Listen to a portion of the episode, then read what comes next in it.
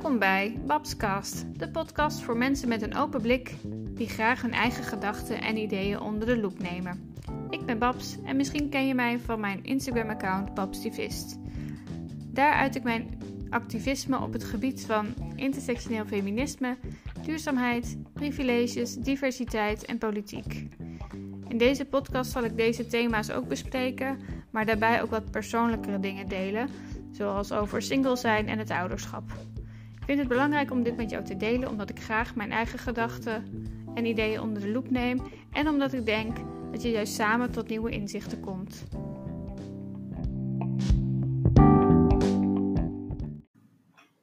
In deze aflevering praat ik over een wat meer persoonlijk onderwerp, namelijk de opvoeding van mijn dochter en mijn moederschap. De afgelopen jaren heb ik mij verdiept in racisme en discriminatie. En gedurende de afgelopen periode waarin uh, Black Lives Matter heel erg centraal stond in het nieuws, uh, nog meer. Um, dit komt omdat ik een witte moeder ben uh, en mijn dochter is niet wit. En ik ben me eigenlijk af gaan vragen van, kan ik als witte moeder mijn dochter van kleur wel meegeven wat zij nodig heeft in de opvoeding? Aangezien ik um, geen racisme heb ervaren in mijn leven en dat waarschijnlijk ook nooit zal ervaren, en uh, zij waarschijnlijk wel, um, vraag ik me af of ik haar daarop voor kan bereiden, of ik dat ook zou moeten en hoe ik dat dan zou moeten doen. En uh, ja, over dit onderwerp praat ik in deze aflevering met drie mensen. Een daarvan is Warsha Atwari. Zij is kindercoach en gespecialiseerd in het coachen van kinderen die opgroeien in twee culturen. Ik spreek met uh, Sanne. Zij is ook een witte moeder en heeft twee kinderen van kleur. En ik praat met haar over hoe zij dat doet in haar opvoeding. En ik spreek met Zulia. Zij heeft een witte moeder en een vader van kleur en is opgegroeid op Curaçao. En vertelt hoe zij haar opvoeding ervaren heeft. Tijdens de voorbereiding van deze aflevering dacht ik me dat ik een documentaire had gezien. Die heet Fufu en Appelmoes van Rosina Salihu. En die gaat over haar worsteling. Zij heeft een witte moeder en een vader van kleur en worstelde met haar identiteit van ben ik zwart, ben ik wit, waar hoor ik bij. Um, ik denk dat deze documentaire heel uh, interessant is om te kijken. Hij duurt ook niet super lang en de link vind je in mijn show notes. Daarnaast las ik ook een artikel in het NRC van Sabrine Ingabire. En met de titel Hoe ouders hun kinderen voorbereiden op racisme. En ook daarvan staat een link in mijn show notes.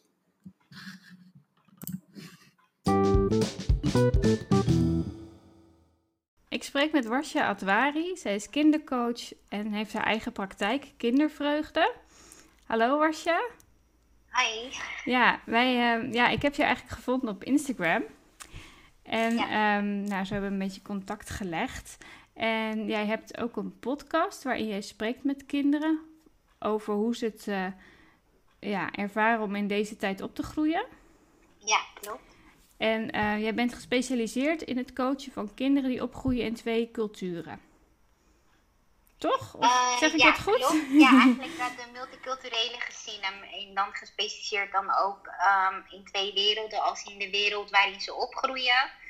En um, dus thuis, de wereld thuis en de wereld op school. Dat daar toch wel um, diverse verschillen in uh, voorkomen. Ja, en wat zijn dan een beetje de, de meest voorkomende dingen waar kinderen tegenaan lopen? Um, nou ja, kinderen met, met faalangst bijvoorbeeld. Ik noem het zelf straalangst, omdat dat iets positiever klinkt. De negatieve lading is er dan een beetje van af. Ja. Um, kinderen die uit, um, ja, die uit een gebroken gezin komen, waar ouders uh, uit elkaar gaan. Hè, hoe is een wereld bij uh, vader en een wereld bij moeder.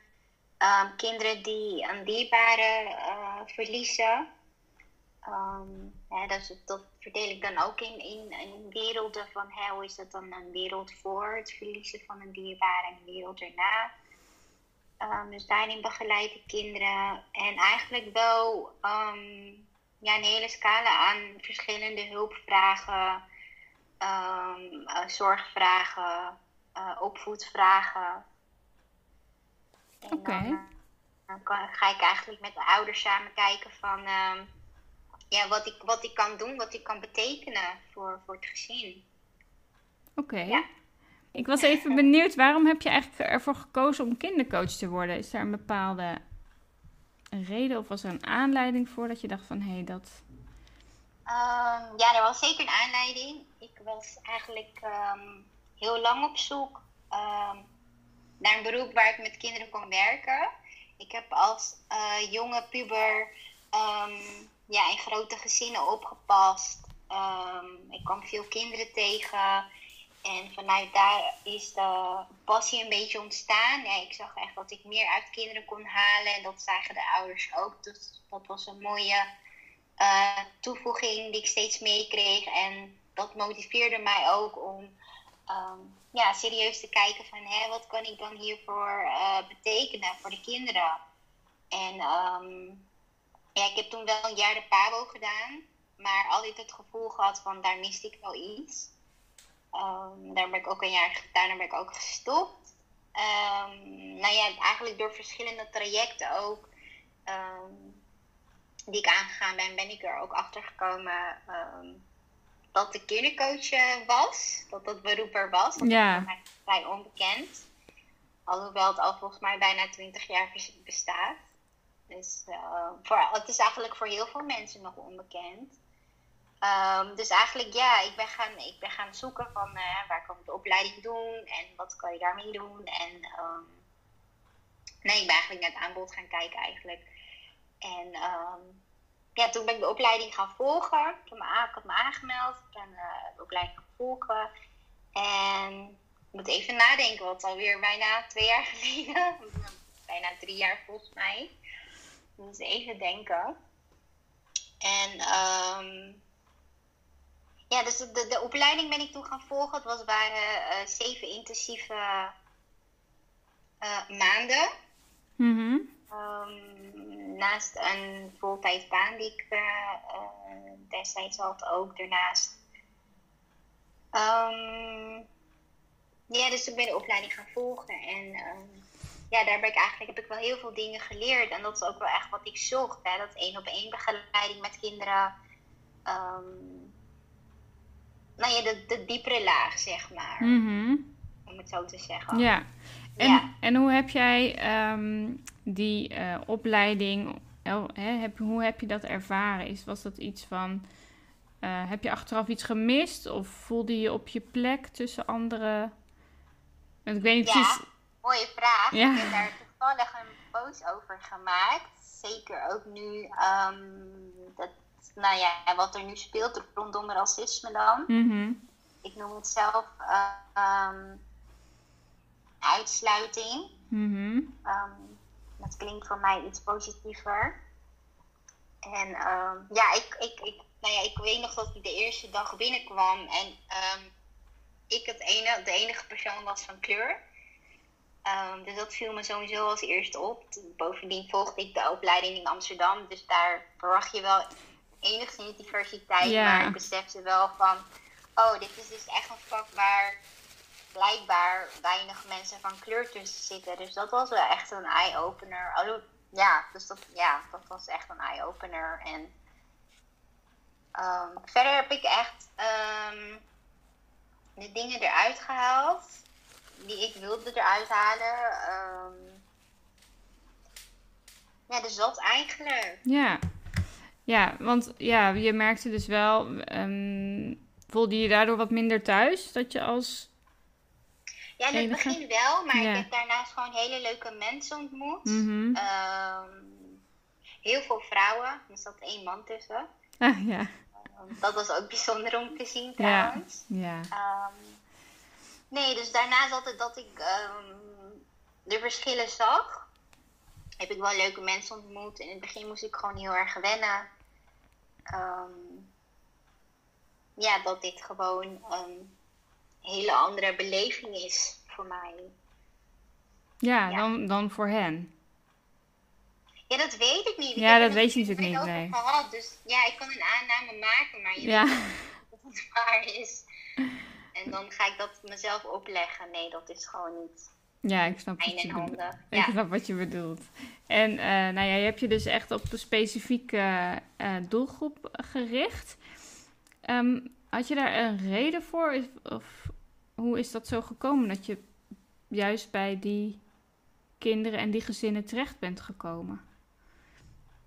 Nou, eigenlijk doordat ik bij de opleiding zag dat er gewoon weinig mensen van kleur waren, had ik eigenlijk al snel door van hé, hey, ik ga me juist inzetten voor uh, kinderen en ouders uit multiculturele gezinnen.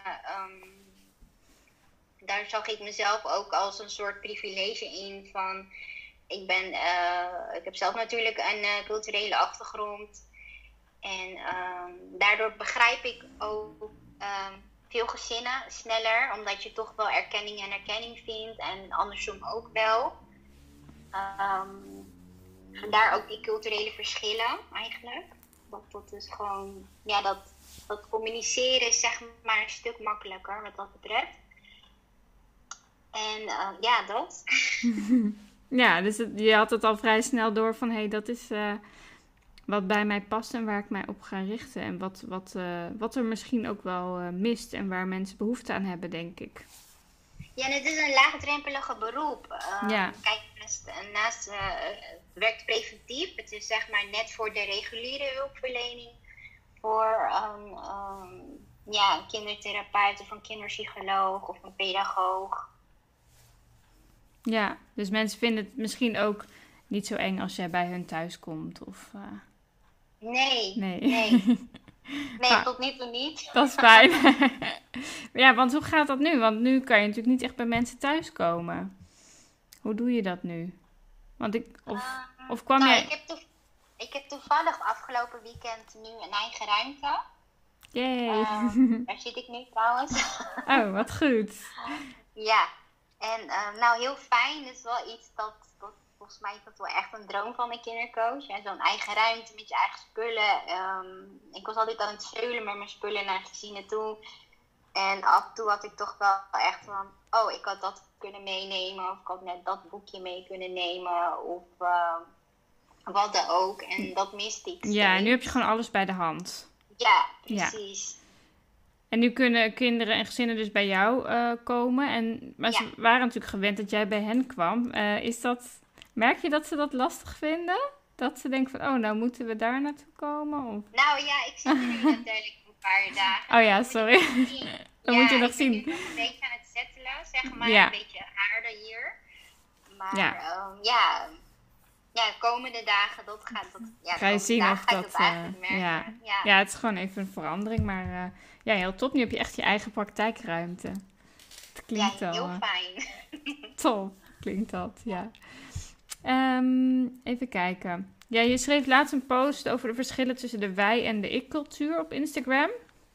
Ja.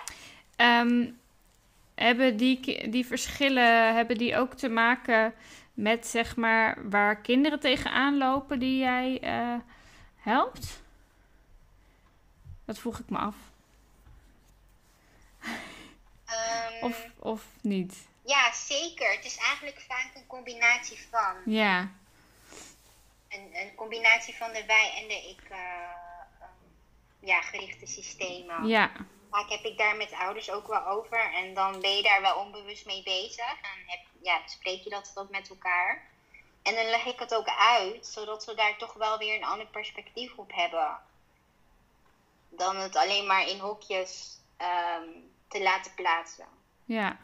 Dus dan is, het, dan is het dan bijvoorbeeld de situatie dat ze in een gezin meer een wij-cultuur hebben, maar dan op school meer een ik-cultuur?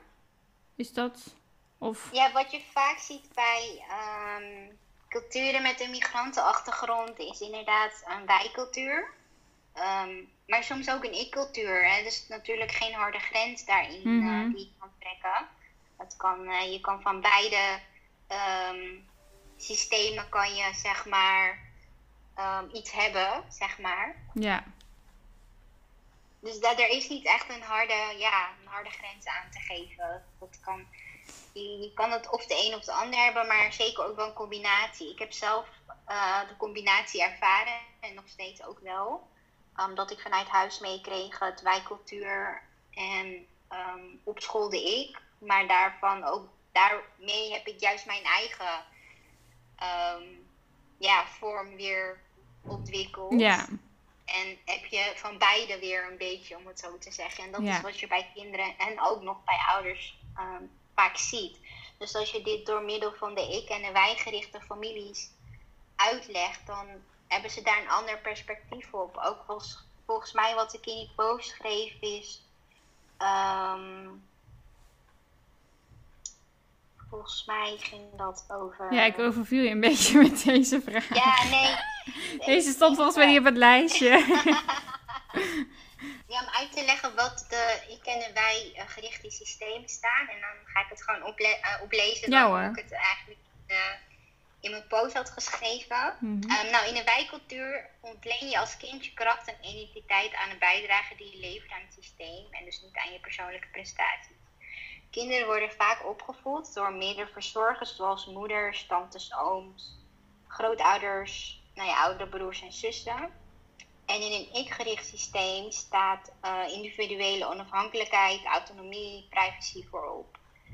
Um, nou ja, autonomie wordt belangrijker gevonden door geestelijk welzijn en sociaal verantwoordelijkheid en verbondenheid. Um, dat zie je eigenlijk ook wel vaak terug in de, um, in de wat oudere fase, als kinderen dan uh, um, ja, eigenlijk het huis uitgaan. Dat dat bij de ik-gerichte systemen toch iets sneller gaat, omdat ze daar eigenlijk al um, heel jong gestimuleerd worden om zelf een mening te kunnen vormen en zelf beslissingen te kunnen nemen. Ik heb dat bijvoorbeeld op een veel latere leeftijd ontwikkeld omdat ik ook pas veel later in dat ik uh, uh, gericht systeem uh, terecht kwam. Ja. Um, en je, wat je in een wijgerichte familie ziet, is dat, dat je dus. Um, um, ja, dat daar toch wel indirect of op een bedekte stijl wordt gecommuniceerd. De emotionele, gevoelige zaken worden ja, in hele andere vormen gecommuniceerd met elkaar. Ja, als je kijkt naar um, in, het, in, het, spreken van spreekwoorden of je gaat er een verhaal van maken. In een, in een ik-gericht systeem is het heel erg open, heel erg expliciet, heel erg direct. Ja.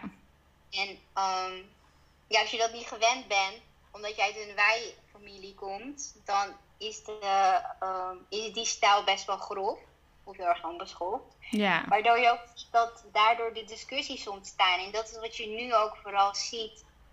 Um, de discussies die er nu zijn um, hè, rondom het racisme.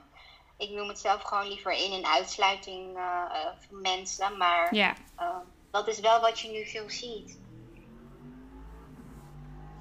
En ik was toevallig gaf ik ook een voorbeeld, hè, wat, wat je ook vaak hoort, is dat mensen ervaren dat bijvoorbeeld Marokkanen heel problematisch uh, worden gezien. Um, ja, ik probeer het er dan gewoon ook over te hebben. En um, niet alleen maar uh, mensen van de Marokkaanse afkomst, maar ook gewoon um, ja, andere mensen. Waarvan al stereotypes voor uh, bedacht zijn. Ik vind, ja, ga gewoon als persoon met ze in gesprek. Kijk eens van, hey, waar komen ze vandaan? Wat doen ze of wat hebben ze gedaan. Um, het is gewoon belangrijk om die communicatie open te leggen. Ga ja. met, elkaar, gewoon met elkaar in gesprek. Ja, wees, Soms, wees ja. open en nieuwsgierig naar elkaar. En uh, ja, dat, dat, dat zie ik ook wel in deze discussie, dat dat uh, bij sommige mensen mist. Uh, ja. Dat, ja, dat, dat vind ik wel heel jammer eigenlijk om te zien. Ja, maar wat je wat je onderling ook wel ziet, is natuurlijk die dominante opvattingen. En um, hè, van ja, wij vinden dit en wij vinden het zo, of wij doen het zo. Dus dat is wat je ook heel veel ziet. Dat ze het dan gaan groeperen, zeg maar. Ja, ja. Ja, ik vind het gewoon, het is gewoon. Um, als je juist met die verschillende culturen bezig bent, is het juist zo mooi om die communicatie over te leggen. Er komen soms echt zulke mooie verhalen uit. Um, ja, dat vind ik ook al te horen in jouw podcast. Hè? Je praat met kinderen en dat, dat geeft al een heel. Tenminste, alle podcasts die ik luister, daar zitten geen kinderen in. Dus dat geeft, dat vind ik al. Ja, ze, kunnen echt al heel goed en mooi vertellen over wat ze voelen en wat ze denken. En dat vind ik echt. eh, ja, dat vind ik soms ook wel echt. ehm, hoe zeg je dat? Verhelderend of zo. Weet je? Dat het je echt wel. Ja, Soms, eh, nou ja, daar ben ik de podcast ook gestart, omdat het er gewoon niet was. En tijdens toen de corona uitbrak, ehm, ben ik er ook, eh, dacht ik echt, nu moet ik ermee starten, want het idee lag er wel eerder. En ehm, nou ja, met corona had, je, had ik gewoon iets meer tijd, omdat ik natuurlijk niet naar die gezinnen kon, ma- eh, kon gaan, maar ik miste wel echt die kinderen om me heen. En ehm, ja, dus vandaar dat ik met die podcast ben gestart. En ehm, daardoor heb ik ook nieuwe kinderen ontmoet. Want ik heb gewoon oproepen geplaatst van... hé, hey, ik ben op zoek naar kinderen die echt een podium... eh, hè, die een podium willen pakken om hun verhaal te kunnen doen. Wat je veel zag is dat... ehm, nou ja, dat over hè, schema's en lijstjes. Dat is eigenlijk volgens mij wat ik nu best wel vaak gezegd heb. En natuurlijk met alle respect naar leerkracht toen ze dat allemaal ehm, zo georganiseerd hebben. Echt Mhm. supergoed. Maar ik miste nog wel dat sociaal-emotioneel stukje van hè, hoe, beleven ze dan zo'n tijd? En wat, wat weten ze over het virus en hoe gaat het thuis dan? En ehm, wat je wel vaak terug hoorde is dat kinderen toch wel heel blij waren dat mama dan heel veel thuis was. Of dat papa en mama veel samen waren. En dat dat, ja, bij veel gezinnen heeft het volgens mij wel heel veel goed gedaan. En bij veel gezinnen was het ook wel lastig om het thuisonderwijs te geven. Ja. Dus dat Kan ik me voorstellen. eh, inzicht. Ja, ja. en ik heb heel veel leuke nieuwe kinderen ontmoet. En ehm, ik ga natuurlijk wel eerst zo'n kennismaking doen, hè, voordat we dan echt eh, zo'n podcast opnemen. Ik heb wel gemerkt dat dat heel veel heeft gedaan met het zelfvertrouwen. Dat kreeg ik wel steeds terug van ouders. Ja, want hoe vonden ze om zichzelf terug te horen? Dat, wat vonden de kinderen daarvan? Ehm, ja, heel anders. Je- Ik bedoel, ik moest ook heel erg wennen. Ik weet nog dat toen ik de eerste aflevering ehm, nou ja, ging editen, in elkaar ging zetten. eh, dat vond ik echt super eng. Ehm, dat ook een stukje zichtbaarheid in je onderneming. Eh, ik heb daar gewoon eh, ja, minder goed van geslapen eigenlijk. ik vond het zo spannend. Dat heeft ook echt iets met mijn zelfvertrouwen gedaan. Maar nu inmiddels heb ik volgens mij 17 afleveringen online staan en bestaat de podcast nu volgens mij bijna drie maanden. Vier bijna. En ehm, Ja, om jezelf Ja. terug te horen is altijd een beetje raar. Ja, Ja. dus dat zullen die kinderen ook wel denken. Wat heb ik een rare stem. ja, dat vooral. Ja. ja, ja, wat kinderen altijd zeiden van ja, maar ehm, ja, u klinkt zo jong. Ik dacht, nou, mij dat een voordeel. en waardoor ze eigenlijk denk ik ook wel makkelijker eh, in gesprek gaan. Ehm, dat is ook wat ouders eigenlijk ook wel een beetje zeiden. Van, hè, ik merk toch wel ehm, dat kinderen wel iets opener werden. Ondanks dat ze me echt niet kenden en mij online op zo'n schermpje zien. En ehm, ja, dat was ook nieuw voor hun. Hè? Dat hele online gebeuren is voor veel kinderen gewoon Ja. een nieuwe wereld geweest.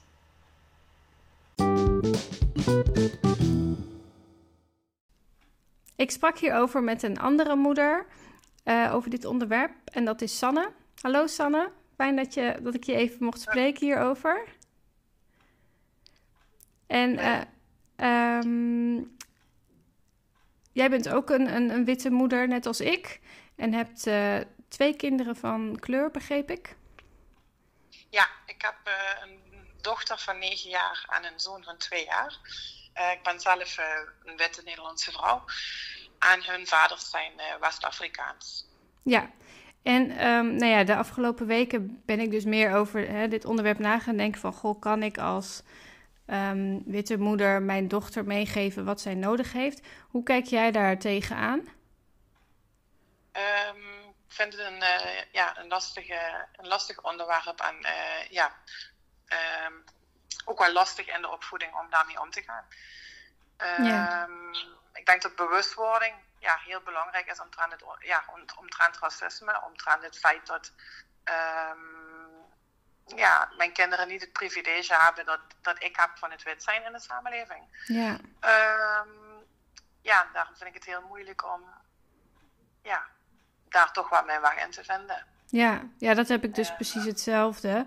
Ehm, omdat, ja, inderdaad, wij niet zullen ervaren wat zij misschien wel eh, gaan ervaren. Ehm, Ja. Je vertelde net dat je ook eh, naar het eh, Black Lives Matter protest was geweest in Maastricht met je Ja. kinderen. Hoe eh, heb je dat ervaren?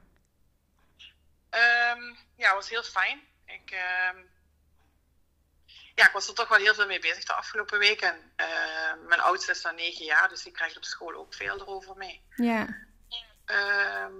ja, het was eh, twee keer zijn we geweest. Er waren twee pro- protesten in Maastricht en ze ook echt meegenomen. Wel van tevoren ook echt goed over nagedacht of ik ze wel zou meenemen. ja, Ehm, maar ja, omdat het een voor, eh, ja, waren vooraf aangemelde demonstraties. En ehm, eentje was georganiseerd vanuit eh, Amnesty International, eentje vanuit Black Lives Matter Maastricht. Ehm, allemaal goedgekeurd door de gemeente en zo. Dus het, ja, ik wist wel van het is veilig om ze mee te nemen Ja. naartoe. En ik vond het gewoon heel belangrijk, eh, ja, om ook vooral ook aan mijn dochter, mijn, door mijn zoontje is twee jaar, die krijgt er niet echt iets van mee. Maar toch ook aan mijn dochter mee te geven van kijk, ehm, weet je, je, ja, je wordt gezien in de samenleving. Ehm, het wordt gezien dat er eh, ja, dat zwarte mensen onrecht aan wordt gedaan wereldwijd. Ja, en gewoon die goede vibe meegeven, toch wel, ja, om te laten zien van kijk, er zijn meer mensen die daar tegenop staan en die het er niet mee eens zijn. En die, ja, die gewoon vinden dat jij er net zo toe doet als dat, ja, als dat ik en anderen ertoe doen in deze wereld. ja, en eh, ja, heel mooi. En hoe, hoe ervaarde jouw eh, kind dat?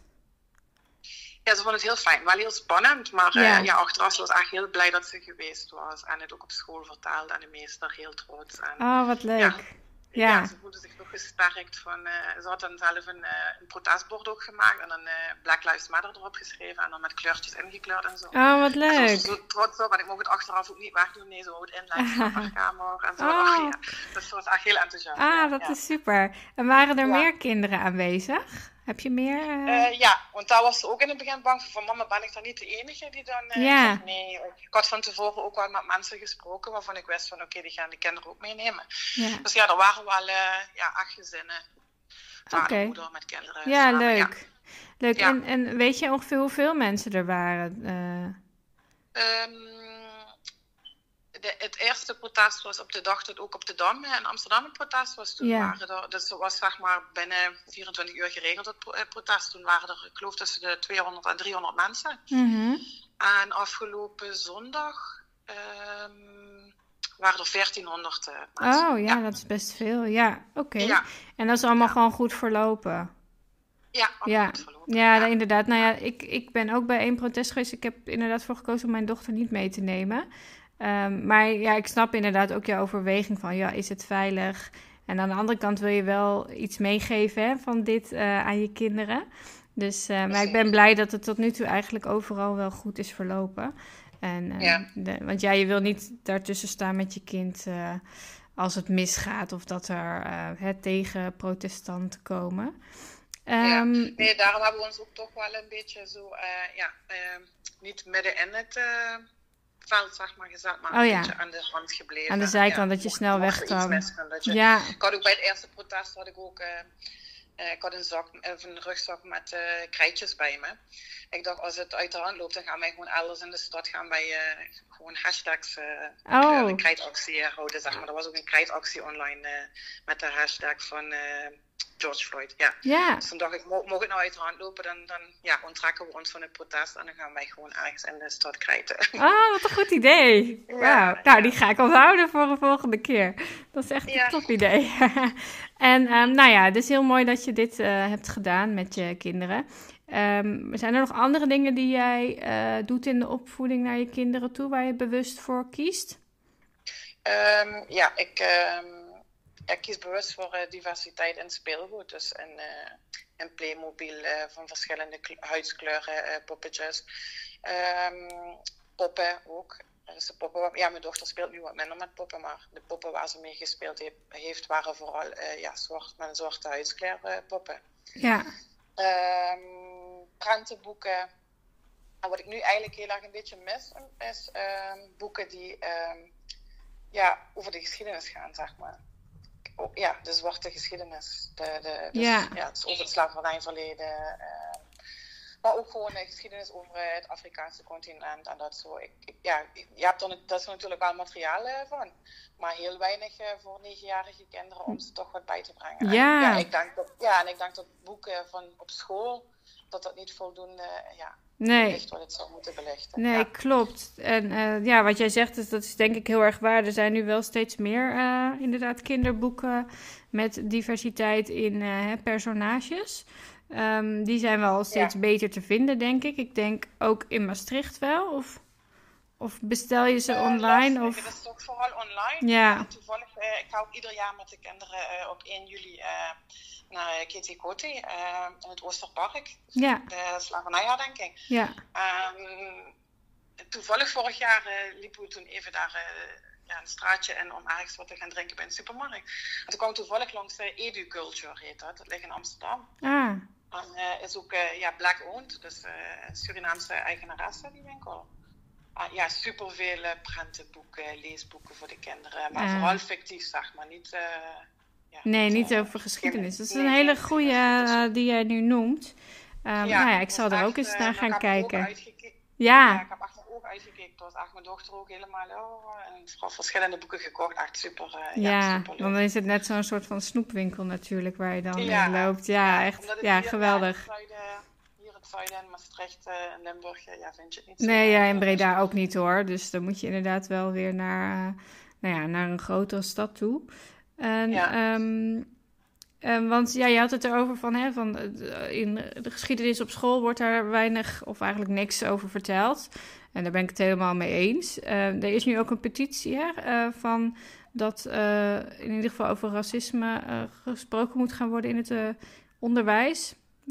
Ken je ja. die petitie? Ik denk het wel, hè? Ja, ik op mijn Instagram en mijn bio staan. Ook ah, top. tekenen. Ja.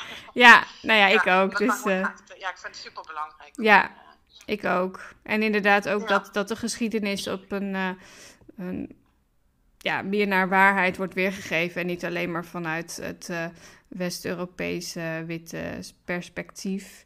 En, um, en wat vind je eigenlijk wat er nu met al die standbeelden en dergelijke gebeurt? Of met straatnamen die vernoemd zijn naar mensen ja, die nu, nu nog als een soort van held hè, worden beschreven.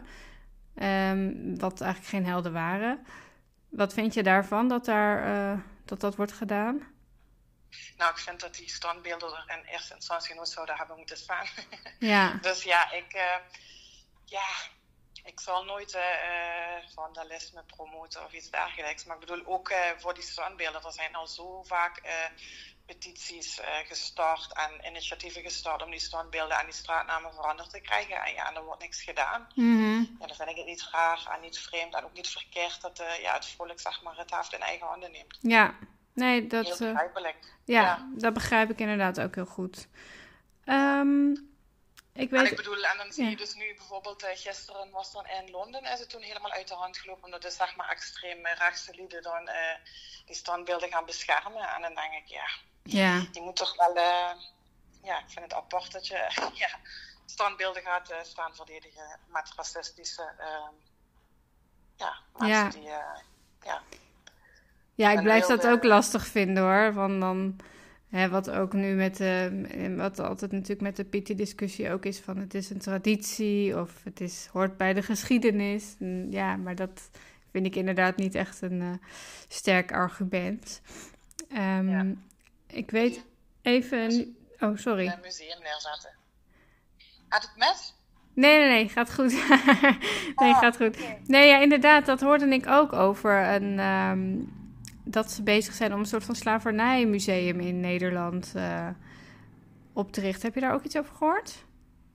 Uh, ja. En waar ja, ze dan eigenlijk ja. al die, uh, bijvoorbeeld ook de Gouden Koets en dergelijke zouden willen plaatsen. Ja. Er is ook alweer een petitie voor gestart. Oh ja, er zijn veel petities de laatste dagen. Ja. maar heel goed. Ja, inderdaad.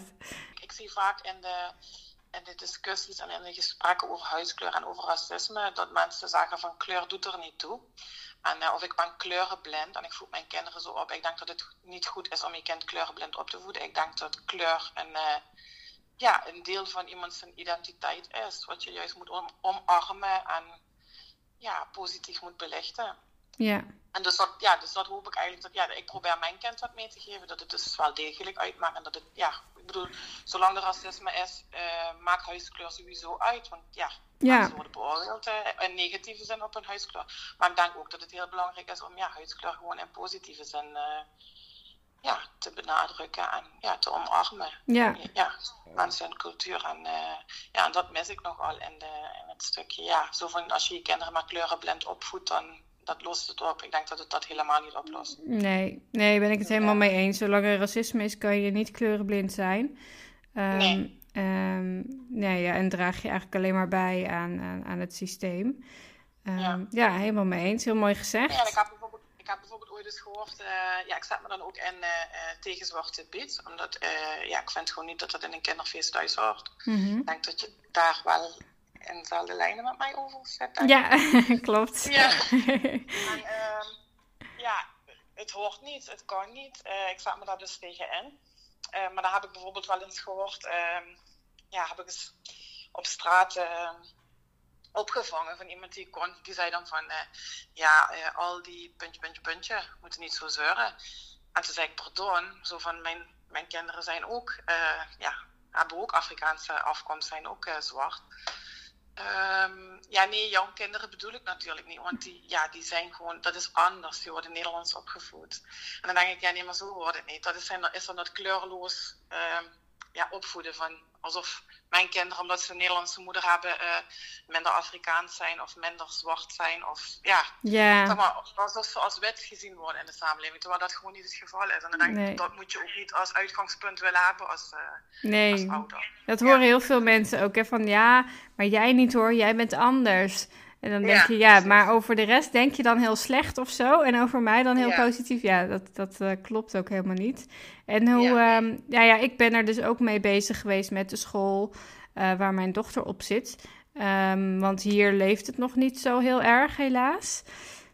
In uh, Breda. Um, ben jij ook met de school van jouw kind in gesprek geweest? Ja, hierover? vanaf 2013, 2014. Dat was het jaar dat mijn dochter naar groepje 1 op school ging. Ja.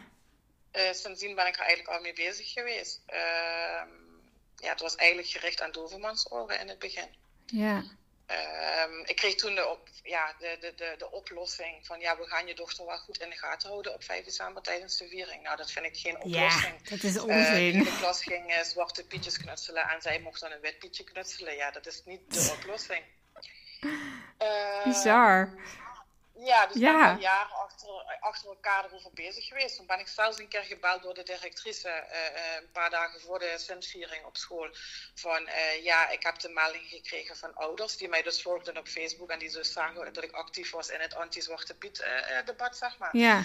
ja. Dat ze angst hadden dat ik een eenmansdemonstratie zou gaan houden tijdens de Sintviering of zo. Ja, gewoon echt Bizar. uit de Ja, dus, oh, uh, toen werd ik gebeld en zei ze, erg. Zei ik, nee, natuurlijk, dat zou ik mijn kind niet voor de ogen van mijn kind doen. Uh, ik bedoel, uh, of ik hou daar thuis, maar ik ga echt geen in mijn eentje een demonstratie op het schoolplein houden. Nee.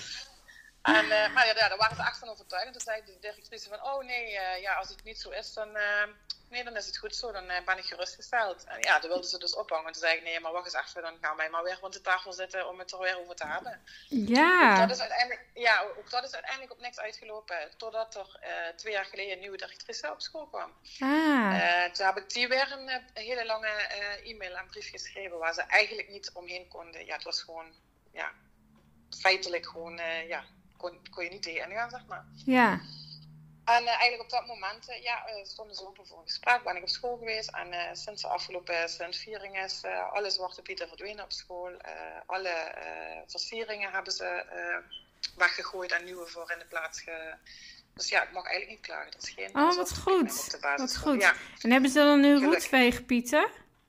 Ja, roetveeg. En dan was het nog wel... Um, ja, ik had er nog wel wat kritiekpuntjes op dat ik vond dat het te veel goed was. En ja, ja, herkenbaar, ja. Ja. ja, maar ja, dat, dat, ja, dat, ze begrijpen, dat ze de discussie begrijpen en uh, ja, er wat aan willen, uh, ja, er wat mee gedaan hebben. Ja. Dat, uh, ja, deed mij toch ook wel goed. En mijn dochter was ook echt super blij dat het, uh, ja, dat alles, ze kwam ook, want um, zeg maar de eerste weken van vorig jaar tijdens de viering was wel gewoon alles met blackface opgehangen. En toen had ik, terwijl ze me uh, toegezegd had het jaar ervoor het niet meer te doen. Dus mm. toen had ik meteen weer een e-mail gestuurd. En eigenlijk zei ze van mama, s ochtends kwam ik op school en toen hing het nog allemaal op met blackface. En daarna kwam ik uh, was de school klaar en dan liep ik naar beneden en toen was alles in de gang uh, met roetveegpieten van de, ah. de HEMA, uh, alle versiering. Ja, dus meteen echt opgepikt en wat meegedaan. Oh, ja. wat goed. Maar ja, je moet er Ja. dus wel bovenop blijven zitten, merk Ja. ik eh, bij jou. Ja, ik denk dat Ja. het hier ook... ehm, ik vond het ook lastig om het aan te kaarten. Mijn, mijn dochter zit dus nu in groep 4. En eh, er zijn ook weinig kindjes van kleur op school. Ehm, maar ik, ik, ik heb eigenlijk de, toen het bericht kwam dat het eh, Sinterklaasjournaal volledig roetveeg zou zijn, dacht ik ja, dan is dit het moment om als Ja. school daarin mee te gaan. Dus daarom, toen ben ik met school gaan praten van hey, nou, dit is een mooie kans om daar verandering in te brengen. Maar ja, ik heb dus met de directrice gesproken en ja, die, die begreep het gewoon niet zo goed. Ja, maar heb jij er persoonlijk last van? Nee, ik heb er persoonlijk geen last van. Heeft je, heeft je dochter er last van? Nee, die heeft er geen last van, maar heel veel andere mensen wel. En ze begrepen dus niet dat ik opkwam voor een probleem van andere mensen. Dat ik denk van, als iedereen alleen maar opkomt voor een probleem waar ze zelf last van hebben, dan, dan verandert er nooit iets, hè? Nooit in. Nee. Nee, dus Ja. dus het is. ehm, Dus dit jaar. Dus ja, dus ze begreep het niet helemaal. Maar ze hebben toen de helft van de Piet eh, Roetveeg en de helft nog wel traditioneel gehouden. Eh, ja, en de roetveeg dacht ik ook wel, nou, is dat roetveeg? Weet je, want dan zag je op een afstand een foto. Ik denk, nou, ik vond het gewoon zwart eigenlijk. Maar nou ja, Ja. Oké, het, het gesprek is geopend, maar inderdaad, want ik heb ook meteen gezegd, ja, denk dan ook aan de decoratie. Denk aan de, aan de liedjes, weet je wel. Want al ben je Ja. zwart als roet, ik meen het wel goed, weet je wel, dat soort dingen kan helemaal niet. En ik zeg, er zijn gewoon alternatieve cd's. Met dezelfde Ja. liedjes, maar dan net een andere tekst. Ik bedoel, ja, als je die gewoon door de hele school deelt en alle klassen dat draaien, dan, ja, dan leren ze gewoon vanaf weten dat... we over, weten we over tien jaar niet meer beter, toch? Nee, Ja. inderdaad, als ze dat nu gewoon leren, Ja. dan is het gewoon dat, punt. Ja. En. Maar ja, zover is de school nog niet helaas. Dus ik, ik ben eh, benieuwd naar het eh, komende schooljaar. En, eh, want ze zei ja, want we hebben toen heel veel geld uitgegeven aan de decoratie van de school. En ik denk, ja, maar is dat nou belangrijker dan, dan dat je andere mensen kwetst, weet je wel? Dacht, ja... Ja. Eh, dus er is nog een weg te gaan hier. Dus eh, ja, ik ben benieuwd straks in september. eh. maar ja, ze zei ook wel van ja, maar wil jij dan wel meehelpen? Ik zeg ja, tuurlijk wil ik meehelpen. Ik zeg, ik wil best, Ja. best kijken of, eh, of ik mee kan helpen met andere decoratie regelen. Ik zeg, ik wil ook best andere pieten regelen, weet je. De, prima. Ehm, Ja. ja, toen zei ik van ja, want, ja, want we werken al heel lang met dezelfde Sint en Pieten. En ja, die zijn echt zwart. En eh, het is wel lastig om daar dan weer van af te sturen. Ik denk, ja, joh. Weet je, als, als, Maar ja, het ja. het is een beetje uitwe uitwegen zoeken om het maar niet te hoeven te veranderen. nee, echt verschrikkelijk. Ja, dus Ja, ehm, nou ja, hier is nog een eh, weg te gaan eh, Ja. in Breda. Dus ehm, ja, maar leuk om te moet ik horen. zeggen dat de, dat de school van mijn kinderen daar ook echt wel hier in de regio uniek is. Hierburg is het ook niet eh, zo vooruitstrevend allemaal. Nee, nee. Ja, en, dat, en dat zal je in Brabant denk ik ook eh, ervaren, ook met het racismeprobleem. Ja. Eh, in het algemeen, niet alleen qua Zwarte Piet, maar dat ze vooral denken van dat is een, eh, ja, een probleem van boven de rivier. Ja. En het speelt hier niet. Nee, Terwijl het, ja, het speelt hier ook. Ja. Maar ja, omdat het zo'n witte omgeving is, durven veel zwarte mensen en mensen van kleur ook niet ehm, ja, daar, ja, daar een statement in Nee. te maken. Omdat ja, kan je duur komen te staan. Ja, dat Ik bedoel, klopt. Ik heb, in, eh, ik heb in 2016 eh, het allereerste anti-zwarte Piet protest in eh, Limburg georganiseerd met een andere activisten samen. En ja, binnen een paar weken stond mijn adres online op neonatiegroepen. En Oh, wauw. dat allemaal, ja. En waar Heftig. aan gedreigd eh, dat ze wisten waar mijn kinderen op school zaten en dat allemaal. Oh, wauw. Ja, dus ja, het is gewoon, eh, het is overal moeilijk om je uit te spreken, maar in vooral witte omgeving is het natuurlijk. Ja.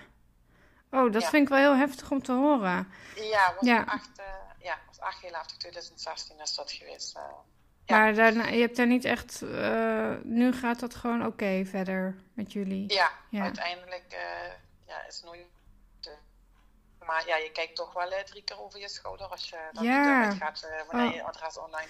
ja. ja. Want dat betekent gewoon dat er dus mensen in je omgeving zijn die weten waar jij woont en die zien wat jij doet en het daar gewoon niet mee eens zijn. En dan ja, jou, zo, jou en je kinderen zo in gevaar brengen eigenlijk omdat ja. je tegen racisme bent. Ja, ja. dat is echt, uh, ja. Ja, nou, ik heb daar ook wel een beetje over nagedacht. Van, ja, als stel dat ik maar echt heel stevig uit ga spreken... of dat ik, weet ik wat, uh, naar, de, naar de media stap of zo... om dingen voor elkaar te krijgen... daar ben ik ook wel een beetje nou ja, bang voor geweest. Van ja, kijk, het, als ze mij iets bedreigen... dan vind ik dan minder erg. Maar je hebt, je hebt een kind of je hebt kinderen... En ja, die wil je wel veilig uh, houden. Precies, ehm, ja. Dus, ja. ja, dat was dan ook weer het dubio van mij. Van, ja, je, moet je dan ja, je mening er niet over uiten, moet je dan niet uh, tegen onderdrukking opstaan, omdat je dan toch uh, de veiligheid van je en je kinderen wil waarborgen. Ja. Aan de andere kant, wat geef je dan ook weer aan je kind mee? Van, ik probeer aan mijn kind mee te geven, kijk, het is niet oké wat er gebeurt. Uh, de geschiedenis van Zwarte Piet bijvoorbeeld mee te geven. Maar vervolgens ja, stap ik de deur uit en durf ik mijn mond daar niet over open te doen. Dus dat vond ik ook wel een hele lastige. Ja. Van, ja, in hoeverre moet je dan, gaan voor het bescherming van je kinderen en in hoeverre moet je dan gaan van oké, nee, ik wil jullie ook meegeven van je staat ergens voor, je staat aan de goede kant van de geschiedenis, uh, het is goed waar je voor staat, uh, dan moet je ook mogen en durven uh, ja, uitspreken. Ja. Ja. ja. Ja, ja, ik dus vind het heel moedig in ieder geval. Maar inderdaad, hoe ver ga je daar? Hoe ver ga je? Wat, wat is het je waard of zo? Ja. Dat is een beetje ja, dan de. moet je dan dus ook iedere keer opnieuw Dus ja. als je een protest gaat bijwonen of zo. Want ja, ik ging dan dus met de kinderen dus in Maastricht, waar we het straks over hadden. Ja. Um, ja, dan zie je toch dat, uh, uh, nou, denk van wel door twintig verschillende fotografen foto's worden gemaakt van je kinderen. Ja. Ja. Dat is heel, is heel dubbel, ja. Ja, ja er, was, er was hier in Breda was gisteren uh, een grotere manifestatie. Er was maandag, uh, zeg maar tegelijk met de Dam, was er in Breda iets. Maar daar waren toen wel iets van 50 mensen. Dat was ook zo'n last minute ding. En uh, gisteren was er dan een grotere, waar zo'n 1500 mensen waren.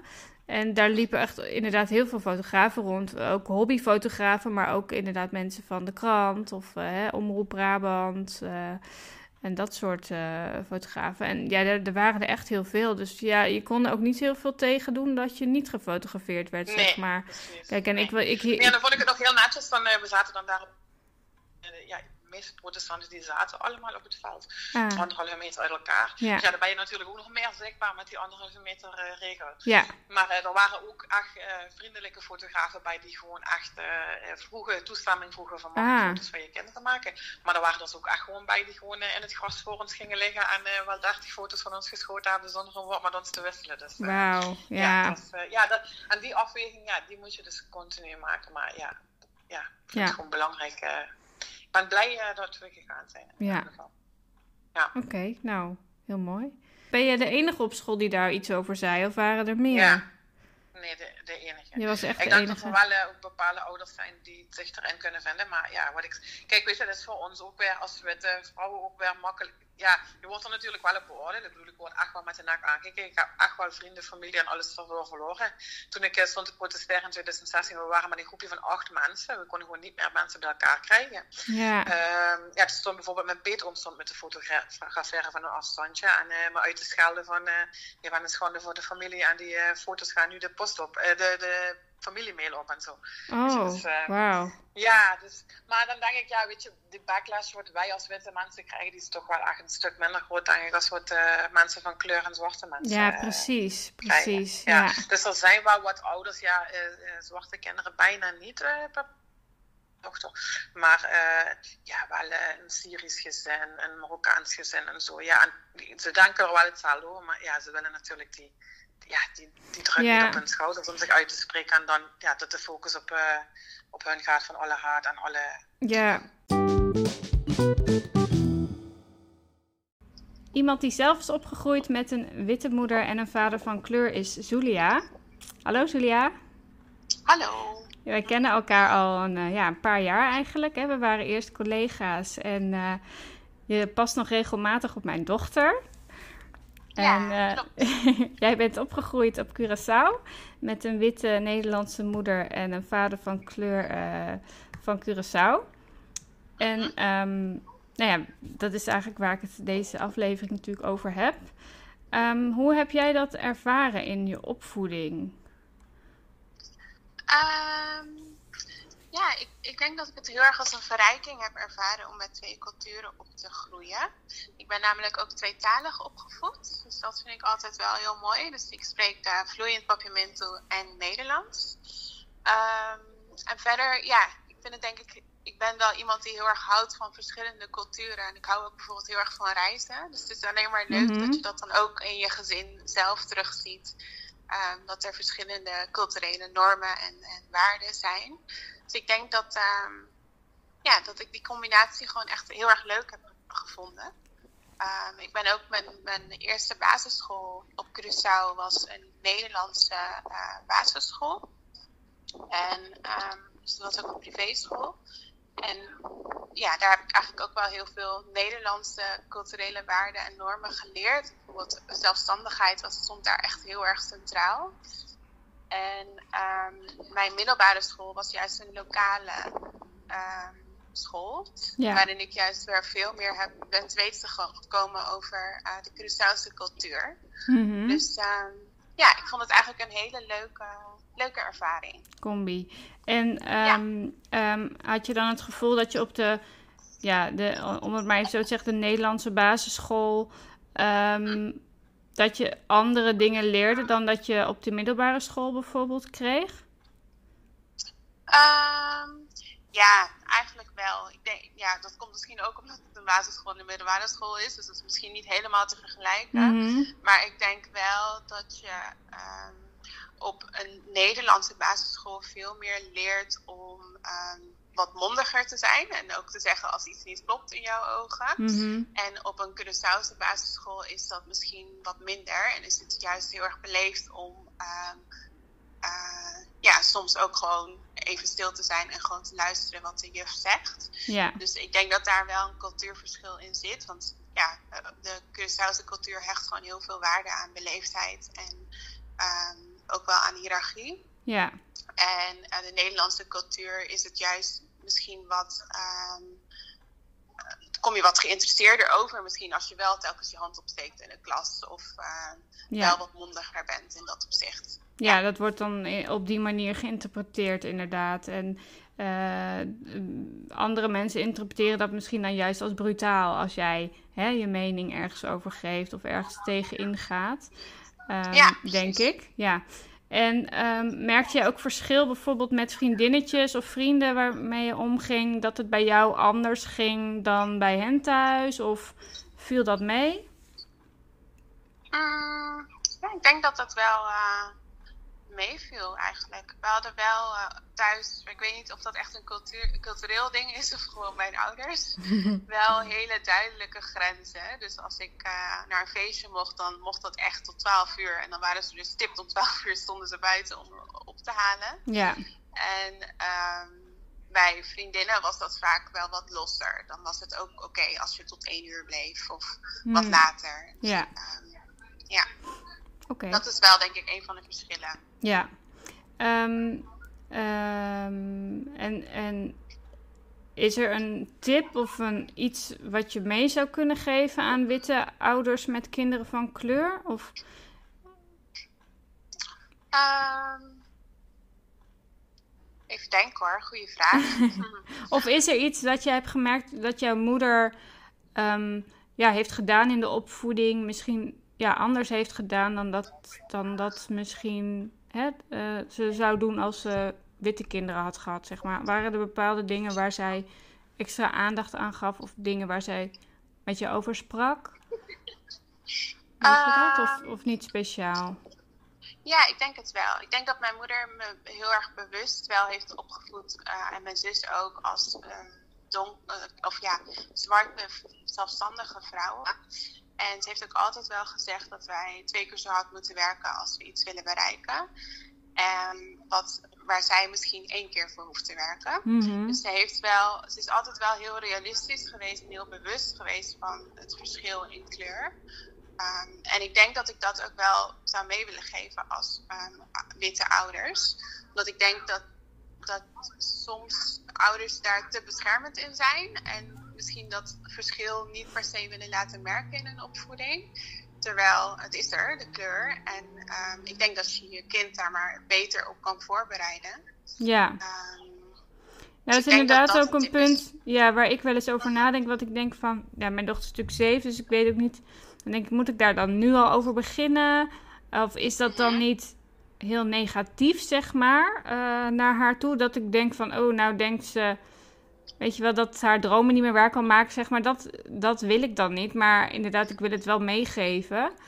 Maar niet dat het zo'n als een soort van heel negatief iets boven al haar nou ja, wensen en dromen gaat hangen, zeg maar. Nee, zeker niet, inderdaad. Ik, denk, ik snap heel goed wat je bedoelt. En ik denk ook um, dat dat de keerzijde is. dat ja. het heel negatief overkomt.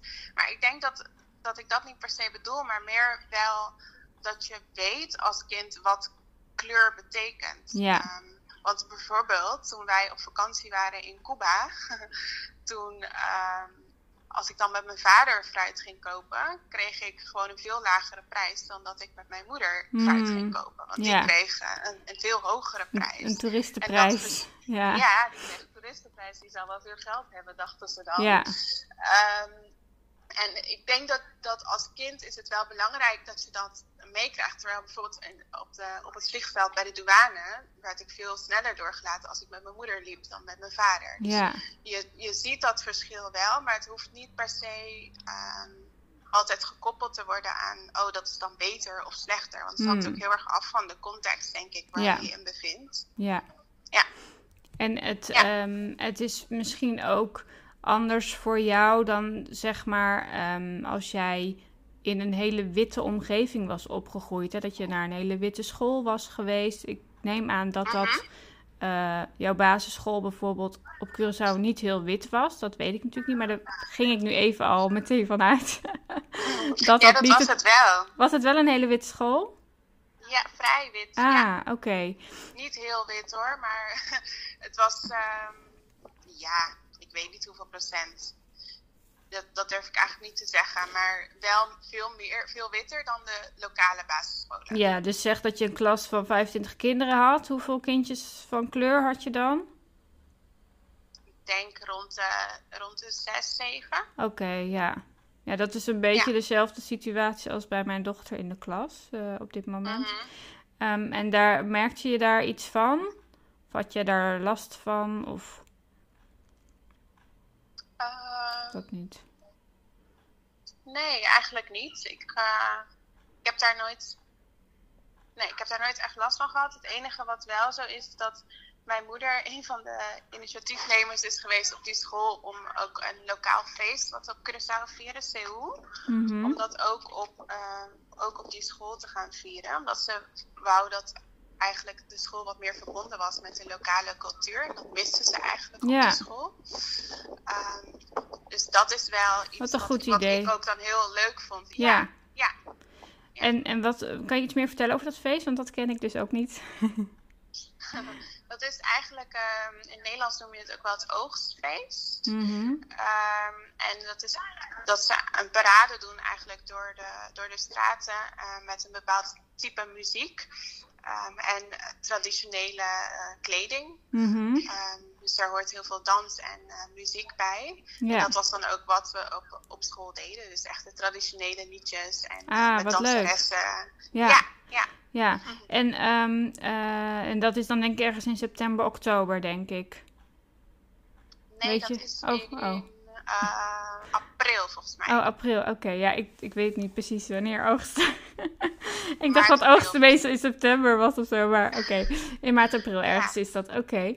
En um, wa waarom denk je dat de school dat eerst niet had? Uh, was dan de directie ook geheel wit? Of uh, weet jij dat nog? Ik weet niet of je dat weet. Um, ja, de, de, directie was wel wit. We hadden twee directrices. Um, weet het eigenlijk niet waarom ze dat niet deden. Hmm, ja. Uh, ja, het, het, ze doen het nu wel nog steeds. Oké. Okay. wel nu, uh, inmiddels 24. Dat is goed. ze hebben het wel aangehouden Oh, oh, dat is wel mooi om te horen, inderdaad. Ja. En ehm, ja, nu ben je dus in Nederland gaan studeren. Mhm. En ehm, je bent er bijna afgestudeerd. Ja, Heel goed. Welke opleiding heb je gedaan? Eh, nou, ik ben nu gespecialiseerd in inclusief onderwijs. Dus ehm, ik hou me bezig met diversiteitsvraagstukken en inclusiviteit in het onderwijs. Mhm. Ehm, en dat is dan heel breed. Dat kan van basisschool zijn tot, eh, tot hoger onderwijs. Dus, ehm, Dus, ja, jij, dus jij hebt de petitie ook getekend. ja, Voor, zeker. eh, heel goed. Ja. Nou ja, wie weet kan jij daar iets in betekenen om dat verder uit te rollen. Het is wel een mooie periode om dan nu af te studeren. Misschien eh, kan je dan meteen eh, aan de slag. ja, met het onderwerp. Het is echt eh, perfecte timing, ja. ja, ja, het is natuurlijk eh, jammer dat het nog nodig is. Maar wat dat betreft ja, is het positief dat, Mhm. die, dat die motie erdoor is gekomen. Even ter verduidelijking, ik had het hier over de motie dat racisme verplicht behandeld moet worden op school. Ehm daar was een petitie van, die heb ik getekend. En daar is uiteindelijk een eh, motie over aangenomen in de Tweede Kamer. Dus ehm, dat is heel goed dat dit eh, verplicht behandeld gaat worden op scholen. Ik ben ook wel heel benieuwd naar hoe dat er dan in de praktijk uit gaat zien. En ehm, dat ga ik zeker in de gaten houden. En ik hoop ook dat slavernij daar onderdeel van uit gaat maken. Dat het niet meer alleen maar over de Gouden Eeuw gaat, die niet zo goud was. Ehm, dus daar eh, ga ik me zeker eh, mee bezighouden en eh, in de gaten houden of dat, hoe dat zich gaat ontwikkelen in de toekomst.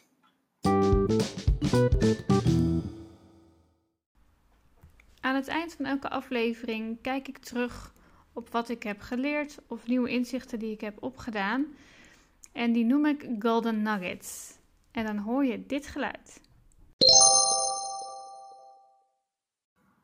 Een aantal dingen die mij zijn bijgebleven uit de gesprekken ehm, zijn de volgende dingen. Eh, wat Warsja zei over faalangst, eh, om het voortaan straalangst te noemen, vind ik een hele mooie. Die ga ik onthouden. En Sanne eh, had het erover dat ze met haar kinderen naar demonstraties gaat. En dat ze dan altijd probeert aan de rand van een demonstratie te staan met haar kinderen. Ehm, wat ik denk ik heel slim vind. Dan ben je inderdaad snel weg mocht er iets gebeuren. En dat ze de stoepkrijt eh, meeneemt. Voor mocht het nou hè, misgaan, niet lukken, er niet bij kunnen zijn, het niet veilig zijn. Dat je dan gewoon ergens anders in de stad eh, ja, goede teksten kan eh, kalken op de stoep. Dus dat vond, ik, eh, ja, dat vond ik twee hele goede tips voor mensen met kinderen die toch graag naar een demonstratie willen gaan, ehm, om die mee te nemen. En daarnaast ook ehm, eigenlijk de zoektocht van Sanne naar informatieve boeken over de zwarte geschiedenis voor kinderen. Dus voor kinderen van, hè, van een jaar of acht of ouder, die echt al goed zelf kunnen lezen. Eh, informatief boek daarover. Het liefst dan in het Nederlands voor de, in haar geval, eh, voor haar kinderen en voor mijn kind ook.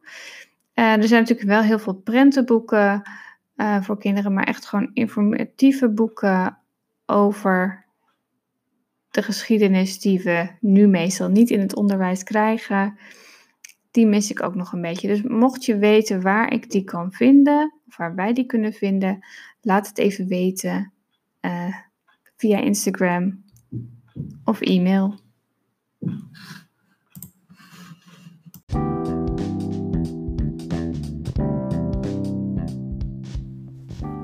Luisteren naar deze aflevering. Vond je het leuk en interessant? Laat dan een beoordeling achter op het platform waar je deze podcast luistert. Als je wil reageren, kan dat via mijn DM's op Instagram, babsivist. Of stuur een mail naar babsivist.gmail.com.